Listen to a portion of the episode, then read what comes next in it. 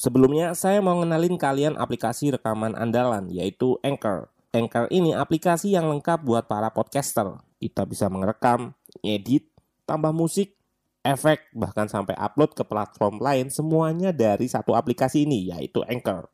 Nah, aplikasi ini bisa kalian download di App Store atau Play Store, atau bisa juga dari website langsung di www.anchor.fm. One app that your podcast need. Oh ya, Anchor ini gratis, free transfer.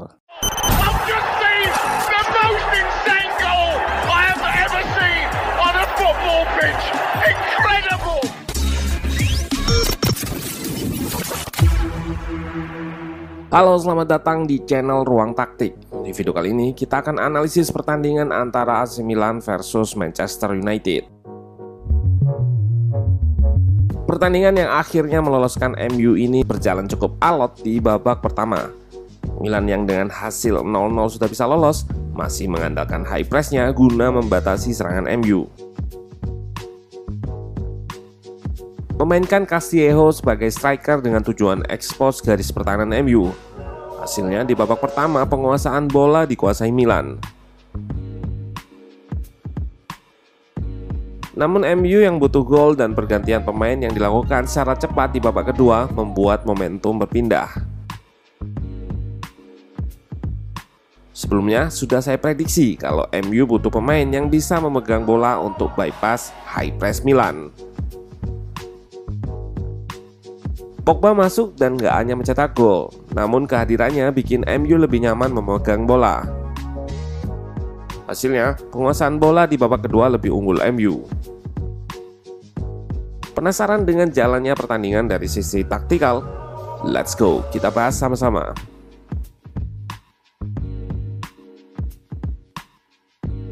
Seperti disebut di awal, Milan turun dengan striker yang merupakan pemain sayap yaitu Castillejo. MU juga menggunakan Greenwood sebagai ujung tombak yang ditopang Rashford, Bruno, dan James. Formasi kedua tim juga sama, 4-2-3-1. Ketika tanpa bola pun relatif sama menggunakan 4-4-2 dengan intensitas press yang bisa dibilang cukup tinggi. Terutama Milan yang bahkan CB-nya keluar untuk menutup pergerakan Bruno. Saat MU bisa lepas dari press dua pemain depan, Cassie dan Meite akan berpindah orientasi markingnya ke Fred atau McTominay. Tentu ini akan bikin ruang di belakang Casey dan Meite terekspos.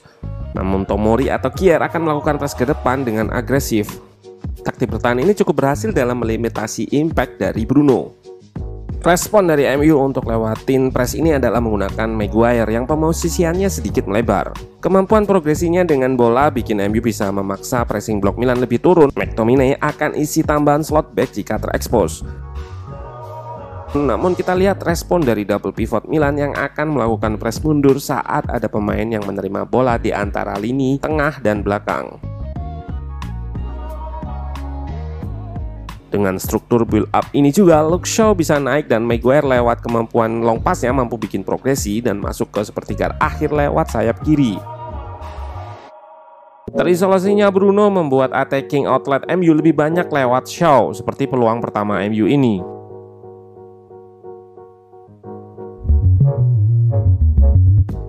Di kanan meski jalan atau pengambilan keputusan yang salah. Aplikasi all-in-one dan menjadi andalan para podcaster buat rekam podcast mereka, namanya Anchor. Pakai Anchor ini, kalian nggak perlu peralatan ribet kayak studio kalau mau ngerekam. Semuanya bisa dari smartphone kalian menggunakan Anchor. Anchor bisa kalian download di App Store atau Play Store. Mudah banget. Di Anchor, kalian nggak hanya bisa ngerekam audio, tapi juga bisa ngedit langsung di sini. Nggak sampai di situ, Anchor juga dapat mendistribusikan konten kamu ke platform lain. Contohnya Spotify, Apple Music, dan lain-lain. Keren banget, satu aplikasi buat semua kebutuhan. Jadi nggak perlu aplikasi-aplikasi editing lain. Daripada kalian makin penasaran, mending langsung aja download Anchor sekarang. Oh ya, Anchor ini gratis loh. Perannya lebih banyak digunakan untuk trackback Theo Hernandez yang juga punya kecepatan tinggi. Sementara Milan mengekspos pertahanan MU dengan perpindahan arah serangan dari sayap satu ke sayap lainnya. Di sini kita lihat juga 4-2-3-1 MU yang memberi celah di sayap kiri karena Rashford lebih diplot ke depan dan jarang drop atau track back. Selain itu, Milan juga ekspos garis pertahanan menggunakan kecepatan penyerangnya. Ini adalah ide dibalik dipasangnya Castillejo. Namun sentuhan akhir Milan kerap kurang klinis meski XG di pertandingan ini lebih dimenangkan Milan. Respon Solskjaer cukup tepat dan cepat atas babak pertama, Pogba segera dimasukkan menggantikan Rashford. Yang pertama untuk merespon serangan Milan dengan Pogba yang kerap turun untuk menjaga kelebaran jika Milan melakukan perpindahan serangan. Yang kedua adalah kemampuan holding bolanya. Yap, Pogba adalah pemain yang punya resistansi pressing tinggi. Dia bisa menahan bola dan menjadikannya magnet bagi lawan dan akan membebaskan rekannya seperti awal gol satu-satunya di pertandingan ini. Bruno mengincar sisi terjauh untuk menciptakan situasi 2 versus 1 atau menang jumlah. Inilah momen kunci dari gol ini. Perpindahan serangan yang dilakukan Bruno sangat akurat dan timingnya tepat. Namun, James gagal ketika harus menyelesaikan peluang ini. Terjadi kemelut dan Pogba lewat sudut sempit mampu mencetak gol yang dilakukan dengan fake shoot dan tanpa ancang-ancang. Setelah gol ini, MU mengontrol pertandingan. Peluang demi peluang tercipta dan pemain MU nampak lebih berani memegang bola. Possession di babak kedua pun jadi dipegangnya. Secara bertahan juga lebih solid dengan adanya Pogba. Switch play Milan bisa teratasi berkat kehadirannya.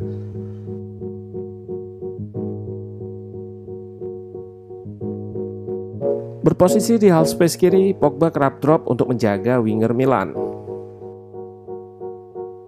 Determinasi yang dihadirkan Pogba di babak kedua mengubah jalannya pertandingan.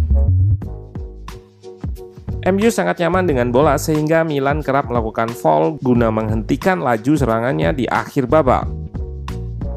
Di menit 75 ke atas saja, Milan sudah melakukan 7 foul atau lebih dari separuh dari total 13 foul yang dilakukannya di match ini. Hal ini karena pemain seperti James dan McTominay dilanggar setelah dengan percaya diri melakukan penetrasi dengan bola. Kepercayaan diri yang nggak ada di babak pertama, performa yang juga kerap hilang di pertandingan-pertandingan tertentu. Konsistensi untuk menampilkan level performa seperti di babak kedua inilah yang kurang. Di match ini, Pogba bisa kasih solusi, pengubah jalannya pertandingan. Namun untuk capai top performa dari sebuah klub, seluruh pemain harus menampilkan performa terbaik. Beberapa pemain memang terlihat nggak bisa selalu top perform. Hal inilah yang bikin MU kerap tiba-tiba drop performanya.